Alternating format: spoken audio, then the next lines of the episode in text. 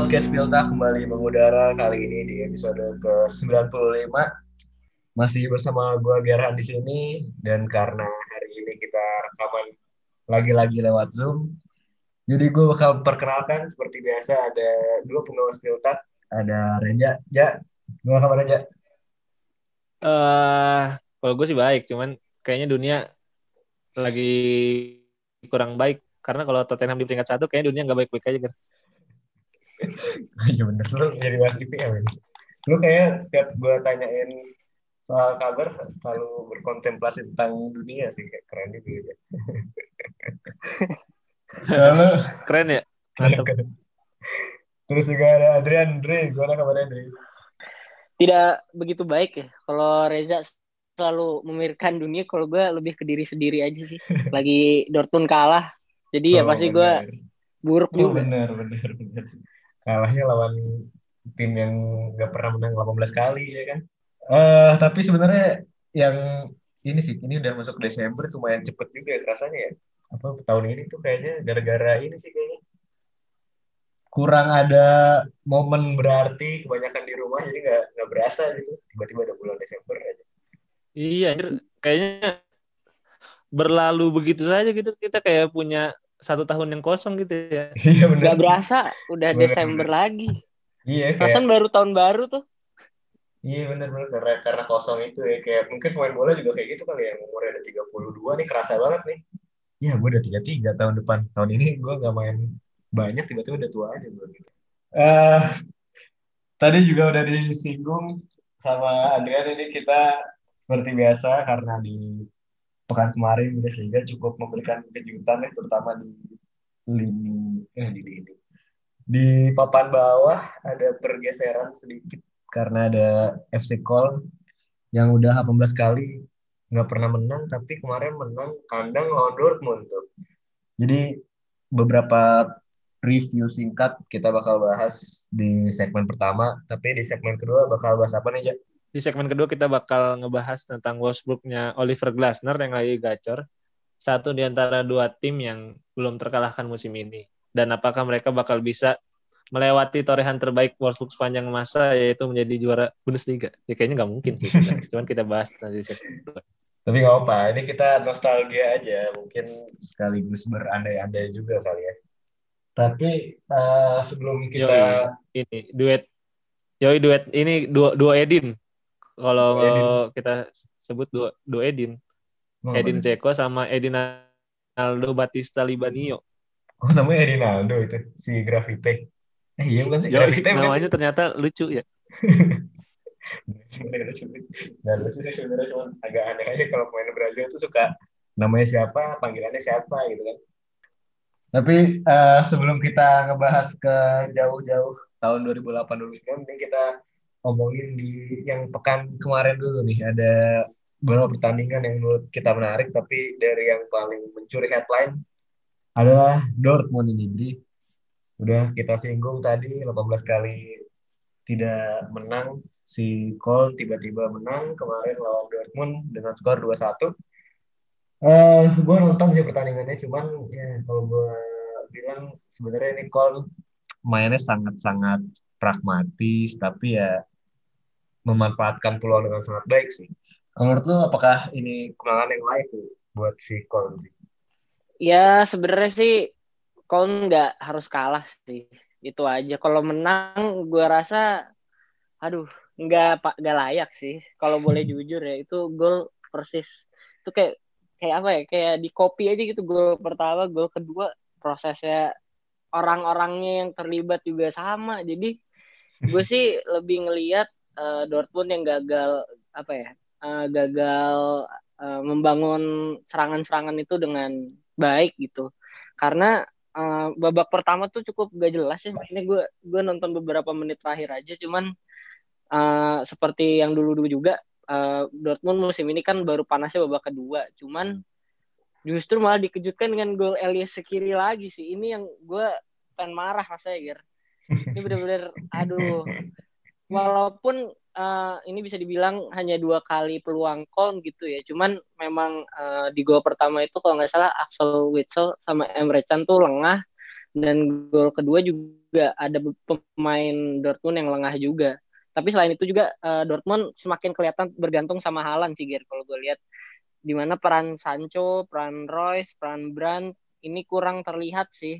Kurang kurang vital lah uh, peranan mereka karena dari 34 uh, eh 35 gol uh, di musim ini di semua kompetisi uh, Erling Haaland uh, punya andil di 20 gol, 17 gol dan 3 assist. Sementara dari tiap pertandingan ke pertandingannya naik turun naik turun terus performa kayak Julian Brand, Jadon Sancho yang waktu di Liga Champions gacor banget. Eh beberapa hari kemudian mainnya benar-benar ceroboh gitu. Justru yang malah gue lihat bagus ketika uh, Mukoko masuk sih baru tuh yeah terlihat lebih apa ya lebih pede lah gitu Dortmund ya, benar, uh, benar. menyerangnya. Cuman ya, hmm. ya balik lagi ya Dortmund sudah mentok sih menurut gue sama Lucien Favre jadi ya kita lihat aja lah ke depannya gimana gitu. Hmm, setuju sih gue. Uh, ada pembahasan juga. Siklusnya berulang gitu loh. Iya iya. Dan tadi lo sempat nyebutin Julian Brand yang ini gue juga gak tau kenapa main ini kayaknya sangat angin-anginan ya. Kalau kita lihat dari gestur badannya juga nggak menunjukkan dia semangat gitu kalau ya secara ini ya secara sampai aja gue kalau Sancho iya, emang banget sih. Beda kalo, beda iya, kayak musik kemarin ya. Iya kalau Sancho gue udah sempet nge-tweet juga kemarin emang secara statistik tuh jauh banget sih perbedaan musim ini dan musim sebelumnya. Kalau musim sebelumnya tuh udah bikin 6 assist kalau nggak salah dua gol. Sekarang baru dua assist menurut lu uh, gimana aja dengan pendapat Adrian kalau ketergantungan Halan ini semakin terparah karena ya tadi performa siapa ya? Bisa dibilang mungkin Brand, Sancho, Royce itu bahkan Gio Reyna belakangan ini juga mainnya ya walaupun masih paling penting ya mainnya juga masih biasa aja nih. Menurut lu gimana tuh ya dengan uh, backline kedua di belakang Halan itu? Di satu sisi gue ngerasa uh, ya Dortmund hanya menjadi Dortmund yang biasanya gitu. Ya di mana mereka nggak bisa ngebongkar pertahanan yang dalam terus kebobolan lewat servis ini kan sebuah siklus yang selalu berulang gitu buat Dortmund. Cuman di satu sisi kalau tadi Adri bilang si Kon gak layak menang gue justru ngasih kredit khusus gitu buat Markus Gisdol karena sebelum pertandingan gue baca satu artikel di Kicker satu-satunya harapan yang bisa bikin Kon bangkit musim ini ya mereka harus bisa mainin pemain-pemain muda gitu. Dan kalau kita lihat dari line up-nya pas lawan Dortmund, ini jadi line up termuda di Bundesliga musim ini, rataan umurnya cuma 23,9 tahun. Ada banyak pemain muda, kayak Ismail Jacobs, ada Jan Tillman, ada bahkan debutan juga mainin di posisi back tengah yang sebenarnya krusial, ada Safara Cesik. Jadi gue ngasih kredit khusus buat Markus Gisdol dan pemain-pemain muda yang diberi kepercayaan emang bisa melakukan tugasnya masing-masing gitu. Uh, makanya gue rasa Kon layak menang, layak untuk mengakhiri 18 laga tidak meraih kemenangan dan gue rasa ini bisa jadi titik balik juga lah buat Kon gitu. Cuman dari sisi Dortmund sendiri ya mereka mau nggak mau sih harus cari backup plan karena sejauh ini ketika mereka lawan tim yang numpuk pemain di lini belakang 5 sampai 6 pemain mereka kesulitan buat ngebongkar. Dan ini sebenarnya kan semenjak Favre megang dua musim yang lalu udah berulang-ulang. Dan makanya gue bilang kenapa Favre harus diganti ya karena ini juga sih sebenarnya gitu. Iya, yeah, kalau kalau masalah Favre uh, ini ini udah masalah klasik kayaknya dalam tiga atau dua musim terakhir karena ya dia bahas itu itu aja. Jadi sebenarnya Favre ini kemarin diomongin juga tuh sama si Benedict Hoedes sama Stefan Effenberg kalau Hoedes dia nggak percaya si Favre bakal bisa menangin gelar di Dortmund. Tapi dalam satu hal ada apa namanya faktor yang bikin dia percaya sama Favre adalah dia cuma bagus saat menangani pemain muda gitu. Bagusnya di situ doang. Kalau Evanberg masih percaya sih sama Favre, cuman kita nggak bakal bahas nih soalnya soal Favre kita udah sering bahas juga aja ya.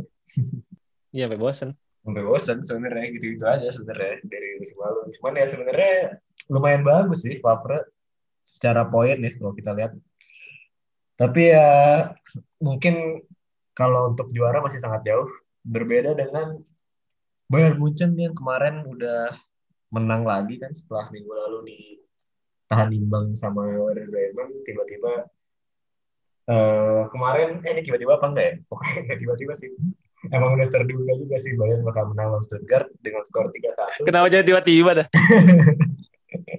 Maksudnya tiba-tiba yang kemarin seri lawan Bremen yang gue uh, yang menarik ini gue nggak nonton sih sebenarnya cuman uh, quotes dari Muller ini cukup menarik. Di mana dia bilang kami menangkan ya pokoknya intinya dia bilang ini seperti kalau di frasa dalam bahasa Inggris windy night at stop gitu kan.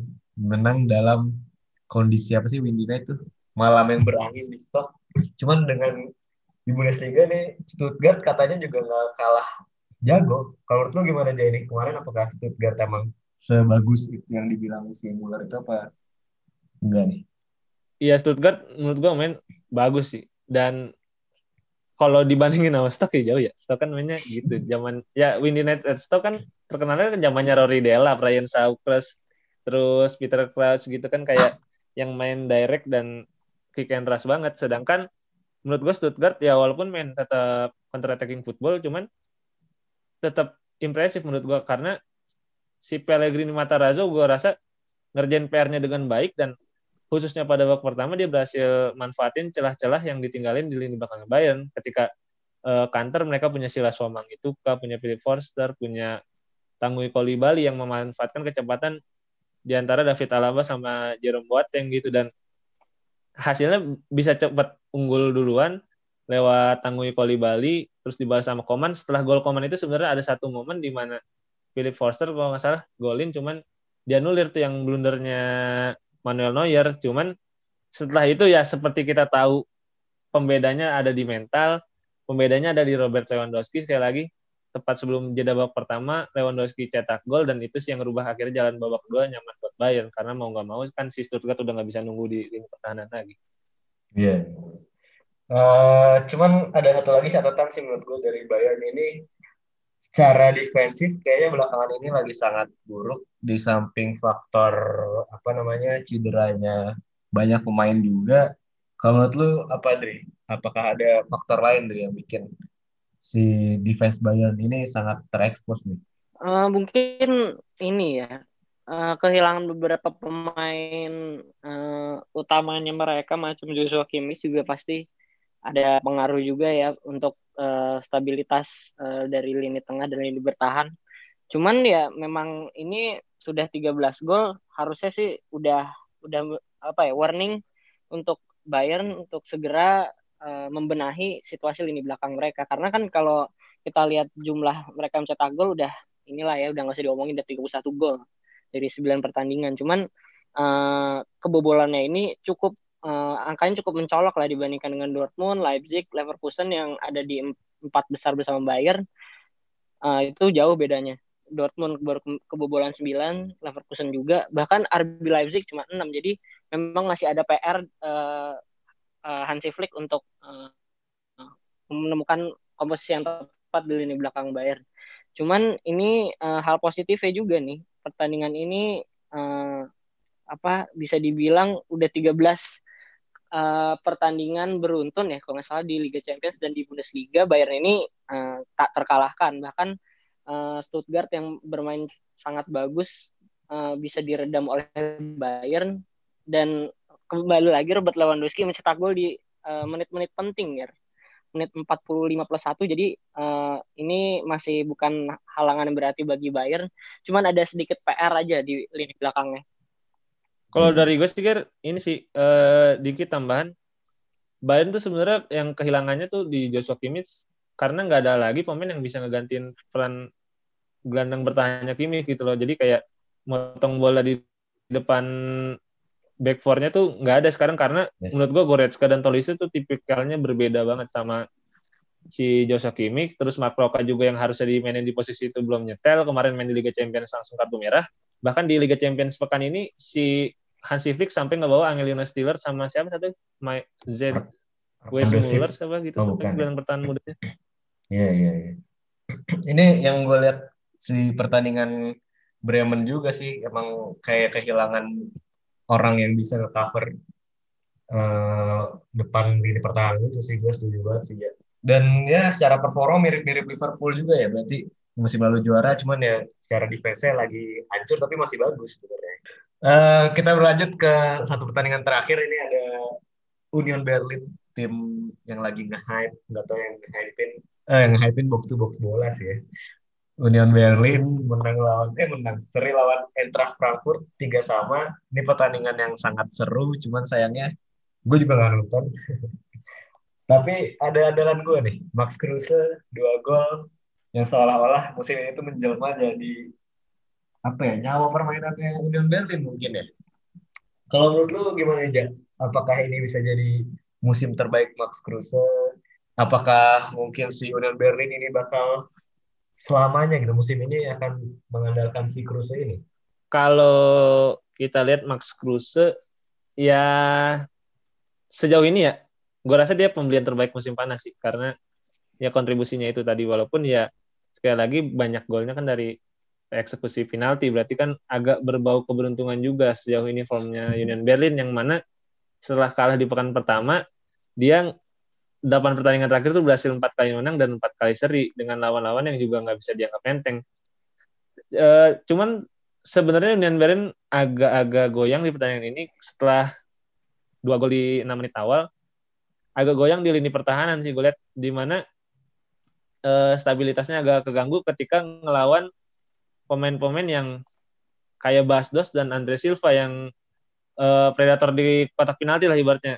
Jadi ketika dia udah unggul, Union Berlin main agak reaktif football, agak nunggu di dalam gitu, mereka kesulitan. Nah ini yang harus diperbaiki kan karena Union Berlin kan ya walaupun kita bilang transfernya terbaik lah di musim panas lalu, tapi kan kualitas pemainnya ya segitu segitunya gitu untuk ukuran Union Berlin gitu. Jadi yeah. ya mau gak mau mereka harus bisa adaptasi dengan hal itu ketika unggul kan kadang untuk tim-tim yang ibaratnya semenjana unggul cepat itu kan bisa jadi bumerang gitu. Ketika dia golin cepat kan mau nggak mau di sisa 80 menit atau di sisa 70 menit itu harus fokus untuk bertahan dan itu menguras tenaga. Itu yang akhirnya kemarin terjadi sama uh, Union Berlin sih menurut gua.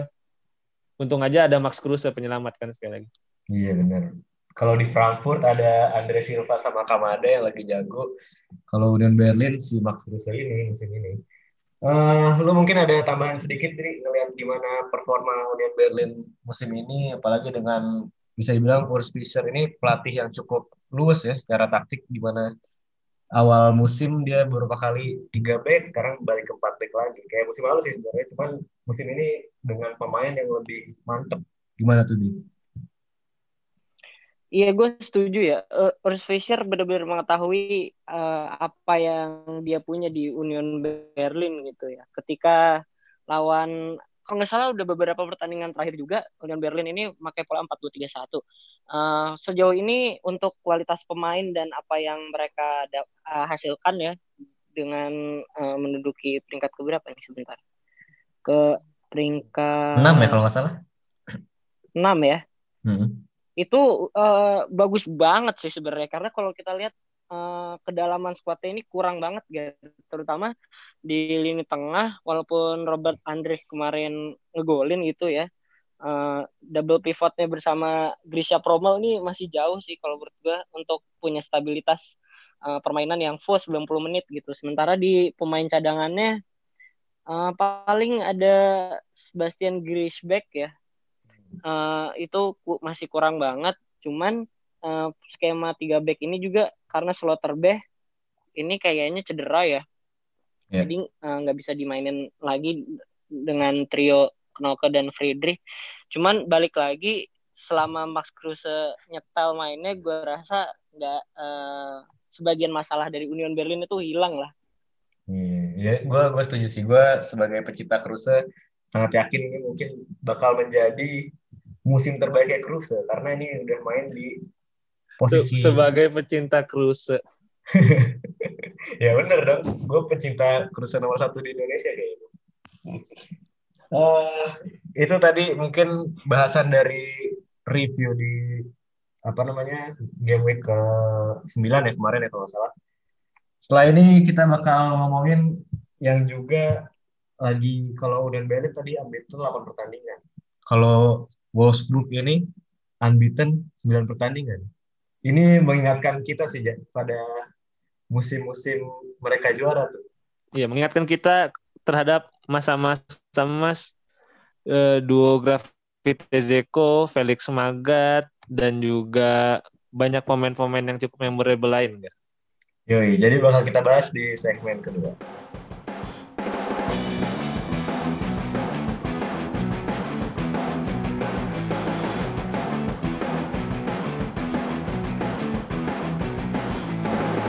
Wolfsburg secara mengejutkan musim ini berhasil tidak terkalahkan di 9 pertandingan pertama.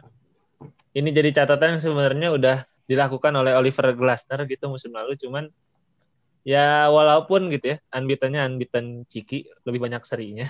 Cuman ya ini sedikit atau banyak mengingatkan kita dengan masa-masa ketika Wolfsburg berjaya ya.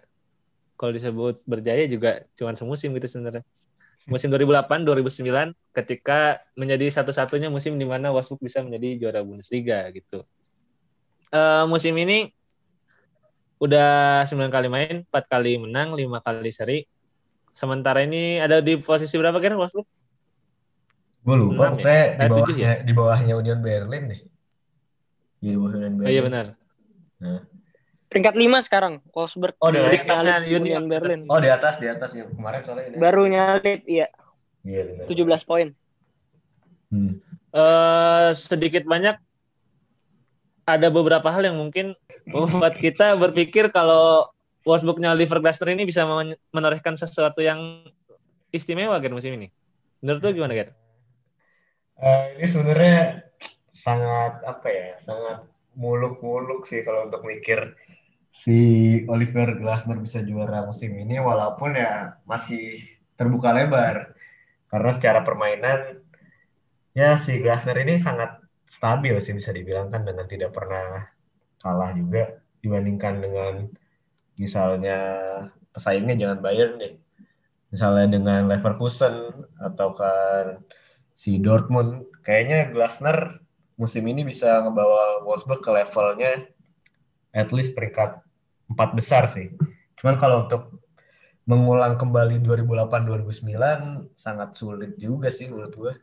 Ya karena apa ya faktornya mungkin faktor eksternalnya dari klub-klub lain juga lagi sama-sama bagus gitu. Sementara musim musim 2008-2009 kayaknya kalau gue nggak salah juga ya pesaingnya cuma si Bayern aja ya kayaknya.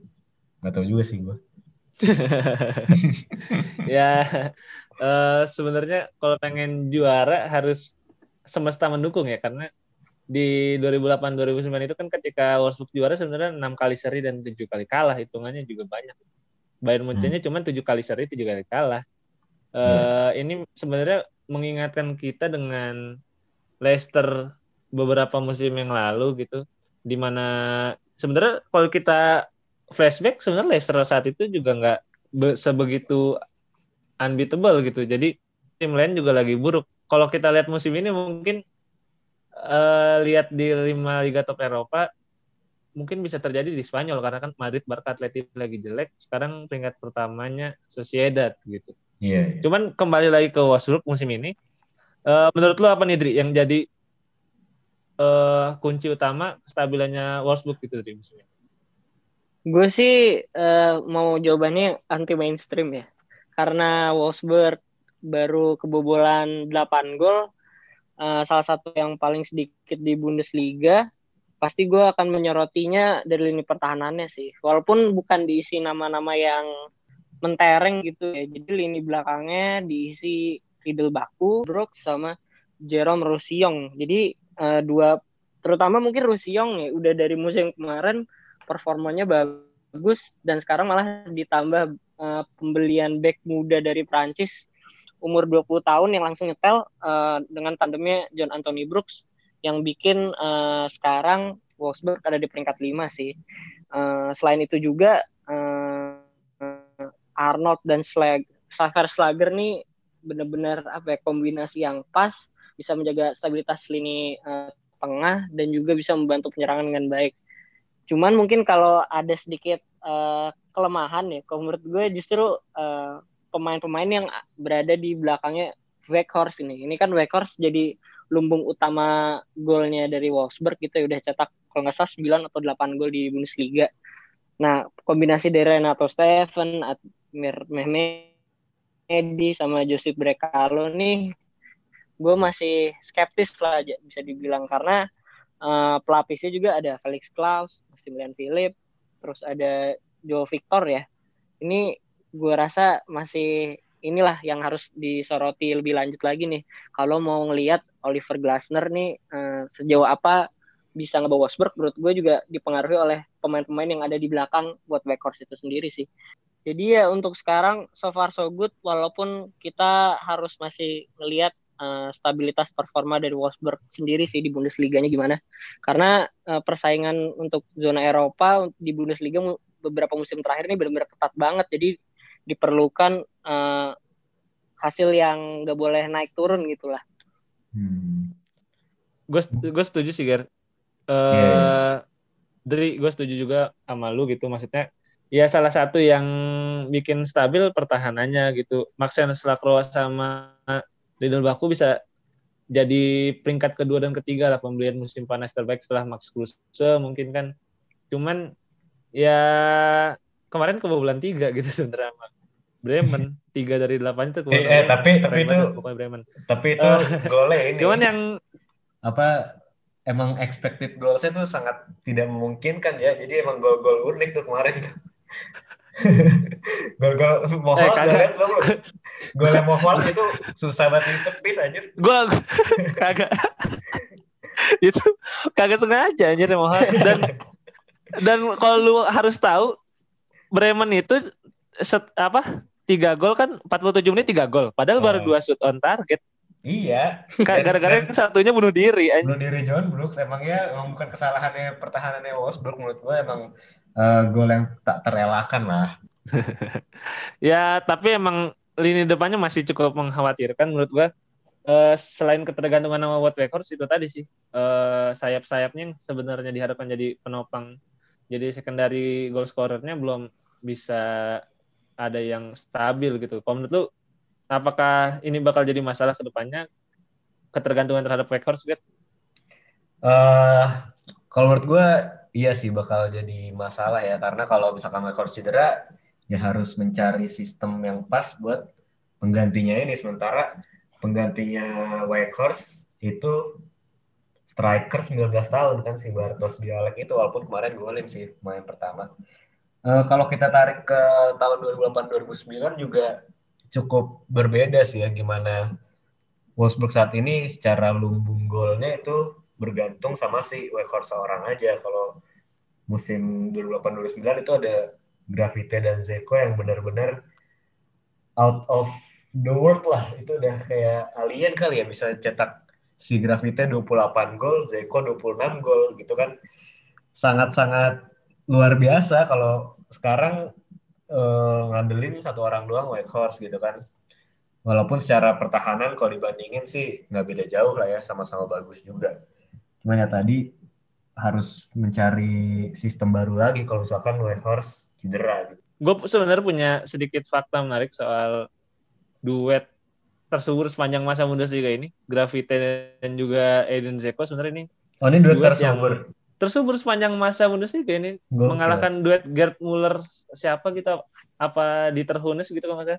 Iya, iya. Cuman ternyata duet ini tidak disangka-sangka bisa subur bukan nggak disangka-sangka bisa subur siapa? Tidak disangka-sangka bakal bisa sejago ini gitu karena yeah. yang pertama Gravite itu led bloomer gitu didatangin apa didatanginnya aja mau masuk dari Lemang gitu kan dia sempat uh, 2003 nya main di Korea Selatan buat Anyang LG Citas gitu 9 kali pertandingan 0 gol. Gak ada yang nyangka akhirnya beberapa tahun kemudian dia bisa cetak 28 gol di Bundesliga kan. Hmm. Terus Edin Zeko juga ketika didatengin ke Wolfsburg itu si Felix Magath nggak tahu ini Edin Zeko siapa. Second dia pas datang itu dari Teplice, Teplice itu tim Liga Republik Ceko.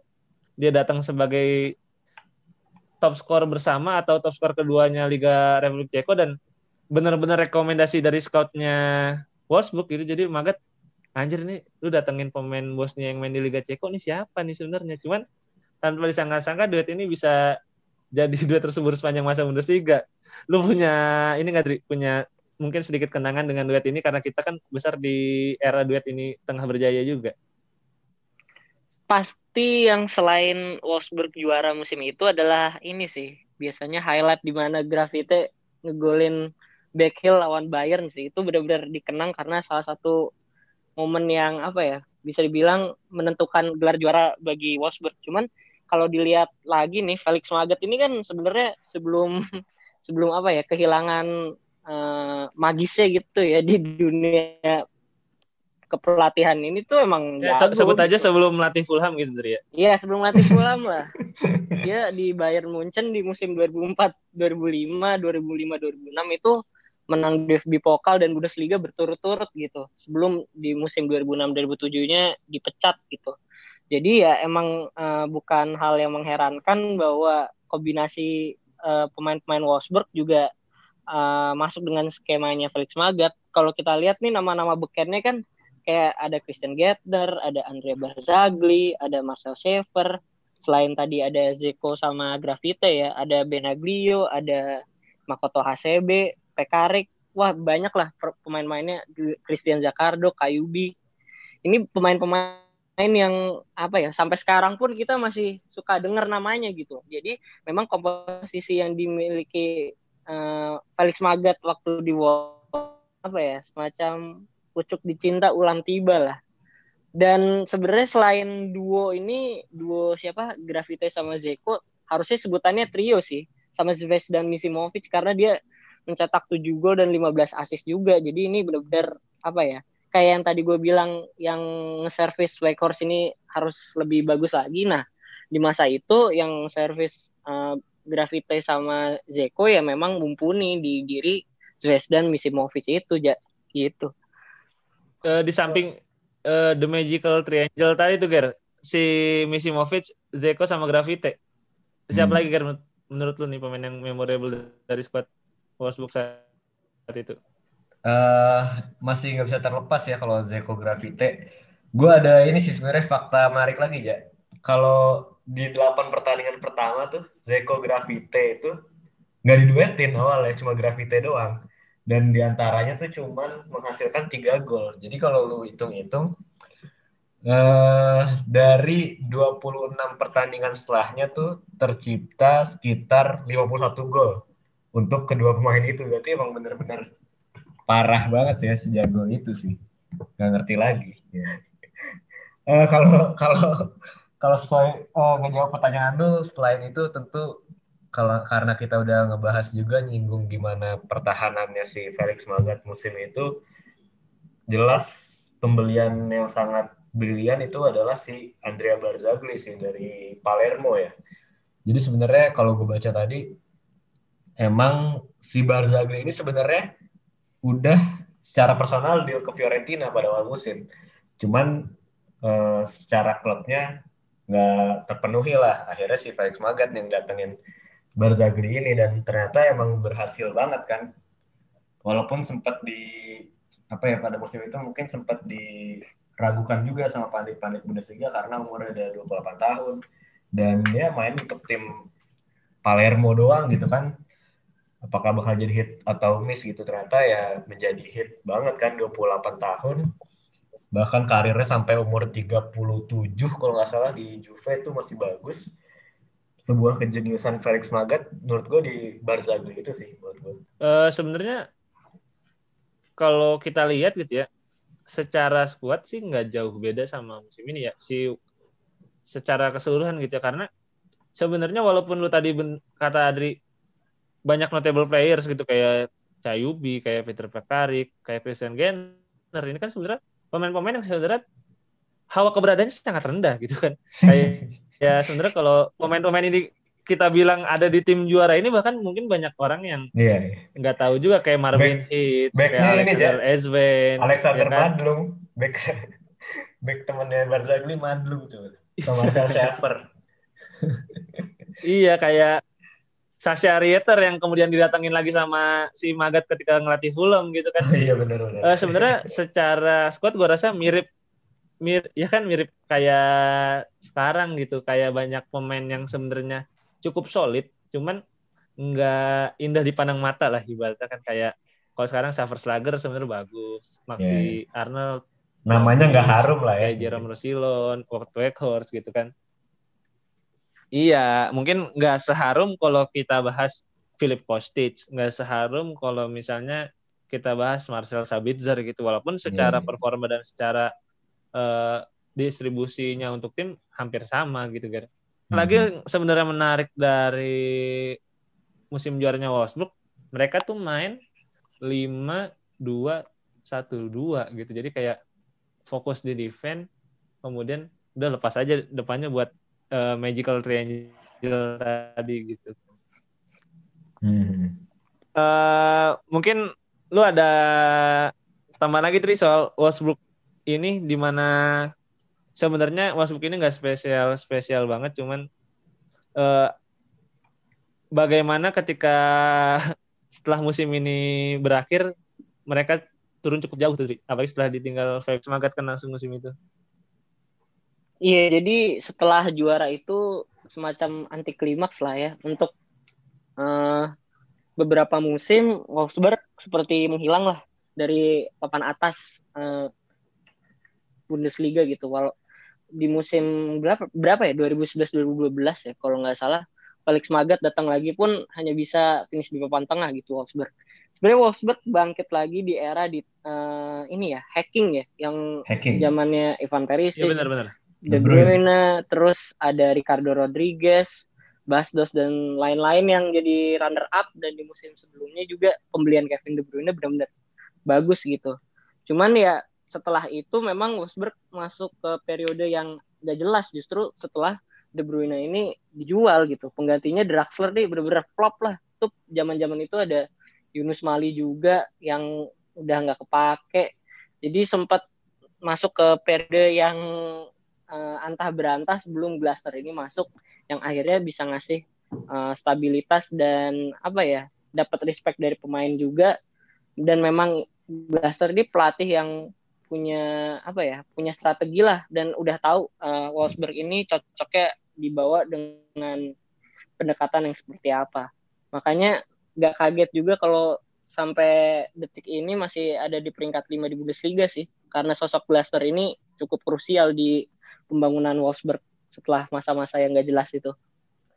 Eh, gue pengen nambahin sih paling kalau soal Felix Magath kayaknya emang pada musim itu tuh emang bener-bener unexpected banget sih mereka bakal juara karena kan kalau nggak salah di pertengahan musim atau Rukrunde lah awal-awal Rukrunde mungkin si Felix Magath itu kan emang udah setuju untuk pindah ke Schalke kan musim depannya yaitu menandakan bahwa emang si Magath sendiri bahkan nggak yakin dengan timnya gitu kan. Mungkin kalau gue jadi pelatih kayak gue dengan melatih tim juara di musim selanjutnya gue bakal berusaha untuk apa namanya mungkin mempertahankan lah mencoba mempertahankan. Cuman ini agak aneh aja sih menurut gue dengan Felix Magath cabut dan tiba-tiba benar-benar downhill ya setelah itu. Nggak nggak setelah itu juga sih. Maksud gue mungkin di atas 2010 udah udah parah banget bahkan sampai di 2017 kalau nggak salah 2016 itu dua kali ikut playoff Bundesliga gitu kan. Jadi dengan setelah itu kan Glasner datang ini menurut gue perencanaannya udah sangat bagus sih. Kita lihat gimana mereka belajar dari kesalahan di masa setelah si De Bruyne pindah tuh. Itu kan pembeliannya sangat sangat sangat hancur tuh. Mecat si siapa sih? Kalau nggak salah dulu mecat sporting director lah pokoknya lah. Dan diganti dengan Andreas 12 Marker. Jonker. Itu ya? Iya, iya. Oh, benar kan. Sporting Director Klaus Alofs. Nah iya itu diganti tuh yang datengin Bazur, Georges Entep, yang gitu-gitulah nggak jelas. Sekarang eh, lebih terencana sih bener kata Adrian dengan Oliver Glasner ini datang dari Linz yang juga tim bukan sembarangan ya di Austria dia bisa mengutus eh, dikdayaannya si Salzburg gitu dan ya hasilnya so far so good sih bener dua musim ini semoga bisa seenggaknya merusak empat besar lah masuk ke empat besar sih. Ya semoga kita berharap aja ya eh, kemarin tuh kekisruhan kekisruhan antara Oliver Glasner dengan Jorg Smatke antara dua orang ini bisa cepat selesai mungkin ya. Hmm. Karena itu kemarin sebenarnya cukup eh, mengagetkan gitu ya di kala Wolfsburg belum kalah ya kan masih stabil namanya tiba-tiba ada isu kekisruhan di manajemennya. Jadi mungkin kita lihat aja musim ini bisa sejauh mana Wolfsburg memberi ke- kejutan gitu kan. Apakah mungkin Weghorst nanti di putaran kedua membuat duet mematikan dengan Daniel Ginczek kan kita nggak tahu. Benar, bisa jadi. Apakah eh, kalau kita kita lihat 2008 2009 juga kan baru pertama kali memuncaki klasemen itu setelah ngalahin Bayern itu doang kan. Kalau nggak salah peringkat eh waktu game week ke-26 deh kalau nggak salah itu. Ya bisa aja Wolfsburg sekarang perlahan-perlahan mungkin game week 3 4 baru nyusul kan nggak tahu juga gitu. Biar nggak jadi Liga Bayern-Bayern aja. ntar. Iya. Biar diem dah tuh. Ya udah sih paling gitu aja di episode kali ini mungkin juga kita sedikit mengajak lah beberapa fans Bundesliga untuk eh, throwback, flashback ke 12 musim yang lalu berarti ya, 12 tahun, 11 tahun yang lalu, 29 tuh. Eh, cuman ya jangan berharap banyak kalau musim ini karena ya lagi jaya-jayanya nih si Bayern, terus juga Gladbach gue lihat sebagai penantang serius. Cuman ya itu jangan berharap banyak. Ada yang tambahin lagi nggak nih? Ya mungkin gua pengen berterima kasih buat yang udah beli merchandise gitu. Oh benar, Ya, merchandise. Semoga memuaskan lah hasilnya. Ya, ya belum belum ini kan, belum diproduksi. Pokoknya hari ini terakhir nih, kita pasti naik tanggal 2 berarti hari ini. Tanggal 2 terakhir. Ya semoga sesuai yang diharapkan sih. Oke deh kalau gitu, gitu aja di episode kali ini. Gue Gerhan pamit. Gua Reza pamit. Gue Adrian pamit. Sampai jumpa di episode Spill Talk Indonesia berikutnya. Bye.